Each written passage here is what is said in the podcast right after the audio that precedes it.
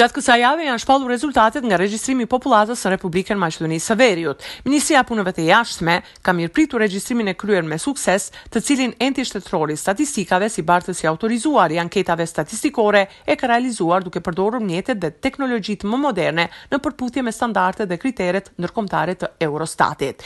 Sipas rezultateve të shpallura zyrtarisht, rreth gjashtëdhjetë për qind janë maqedonas, tridhjetë për qind shqiptarë dhe dhjetë për qind të tjerë. Nga Enti i Statistikave janë shprehur kështu për rezultatet dhe numrin e regjistruar. Ndjekim deklaratën. Od vkupno popishanoto naselenie.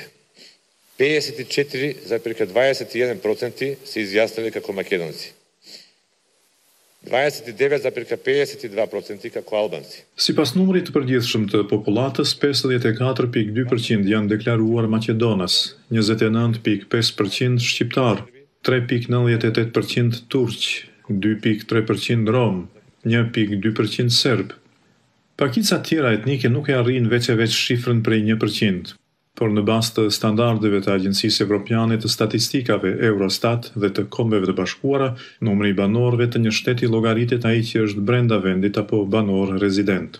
Sipas këtyre të dhënave, numri i banorëve rezidentë prej pak mbi një milion e tetëqind mijë nxjerr maqedonasit me pesëdhjetë e tetë pikë katër për qind, ndërsa shqiptarët njëzet e katër pikë tre për qind.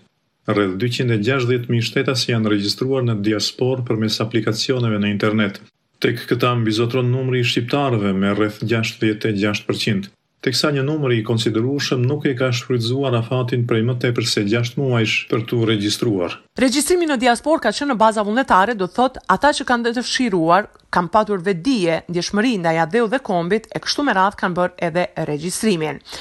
Dihet që janë regjistruar rreth dyqind e katër mijë, ndërkaq rreth treqind mijë kanë ngelur pa regjistruar. Nuk kemi patur iluzione që mund të përfshijmë qind për qind diasporën, duke patur parasysh që flasim për gjithë rruzullin tokësor ku janë mërgimtarët tanë, kanë thënë nga Enti i Statistikave. Ndonëse pati probleme të shumta, procesi i regjistrimit është kryer me sukses dhe shqiptarët kanë rritje të popullatës për pesë për qind. Ilmi Selami, zëvendësdrejtor i Entit të Statistikave është shprehur kështu. Por, ajo, që nuk e kishim parashikuar dhe që në fillim të aktiviteteve në terren vuri në pikëpyetje realizimin me sukses të regjistrimit, ishin sulmet e hakerëve në aplikacionin e regjistrimit dhe në kanalet e komunikimit të Entit Shtetëror të Statistikës. Presidenti i Shtetit, Stevo Pendarovski, ka thënë se vetë fakti që realizuam regjistrimin pas njëzet viteve është sukses në vete.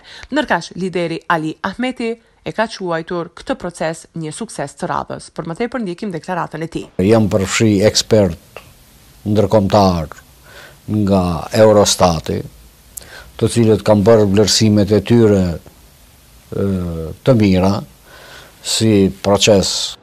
Në çdo vend ka, do të thotë që nuk regjistrohet e tërë popullata, banorët qind për qind. Ky moment mos shërbejë për politizim të të masave, të mos keqpërdoret nga subjekte politike për politika ditore të të tyre. Në planin diplomatik, Do të theksojmë takimin e Bujar Osmanit, ministrit të Punëve të Jashtme në Oslo, me përfaqësues të diasporës. Mundësi e mirë në Oslo për t'u takuar me përfaqësues të diasporës të vendosur në Norvegji.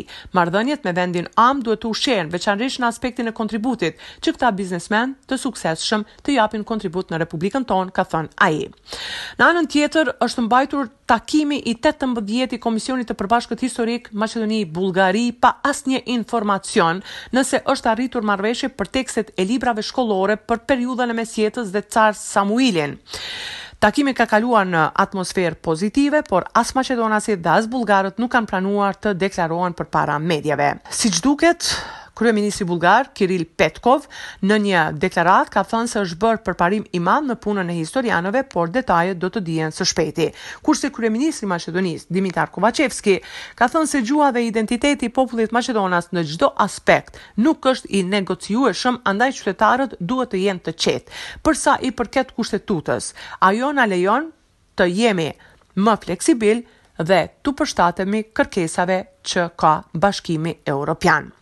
Kancelari gjerman, Scholz, ka thënë se bisedimet për anëtarësim në Bashkimin Europian me Shqipërinë dhe Maqedoninë e Veriut duhet të fillojnë sa më shpejt që të jetë e mundur, sepse Të gjitha vonesat në këtë drejtim do ta bëjnë Ballkanin Perëndimor më të ndjeshëm ndaj ndikimit të jashtëm.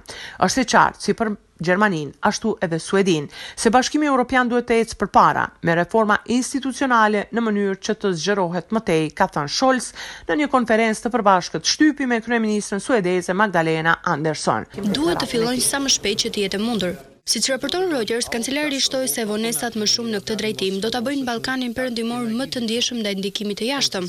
Është e qartë si për Gjermaninë dhe Suedinë se BE-ja duhet të ecë përpara me reformat institucionale në mënyrë që të zgjerohet më tej, tha Scholz në një konferencë të përbashkët shtypi me kryeministren suedeze Magdalena Andersson. Nesër fillon muaji i shenjtë i Ramazanit. Kreu i Bashkësisë Fetare Islame, Shaqir Fetahu, i ka uruar besimtarët për shëndet e agjërim të pranuar.